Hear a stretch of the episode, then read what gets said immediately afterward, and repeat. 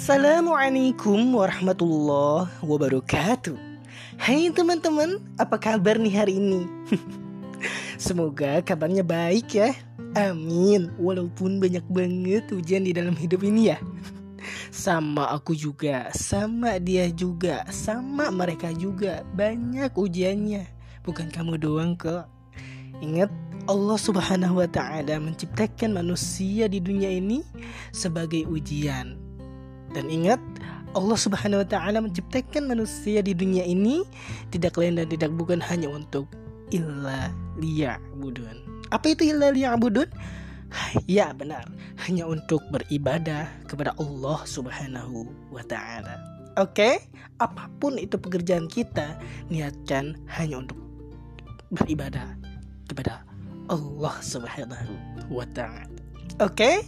Hai teman-teman, Assalamualaikum warahmatullahi wabarakatuh. Assalamualaikum. Jawab lagi dong. Dengerin. Ini sangat penting bagi kita.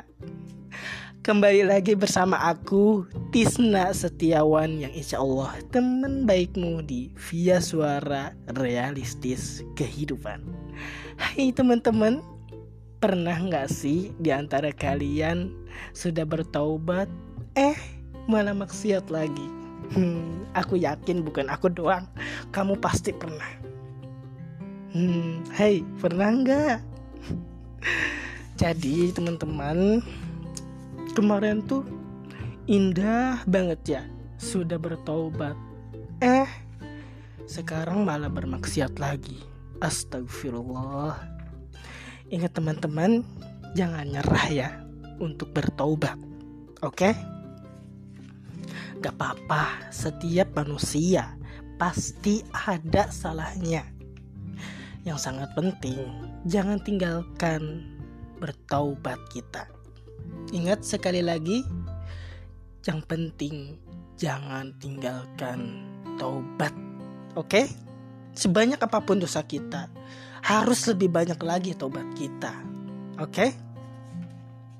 Nih teman-teman Rasulullah Shallallahu Alaihi Wasallam bersabda, setiap manusia pasti banyak berbuat salah dan sebaik-baik manusia yang berbuat salah adalah manusia yang sering bertaubat. Hadis riwayat Tirmizi nomor 2687. Nah, teman-teman, terima kasih ya sudah mau mendengarkan via suara sekarang.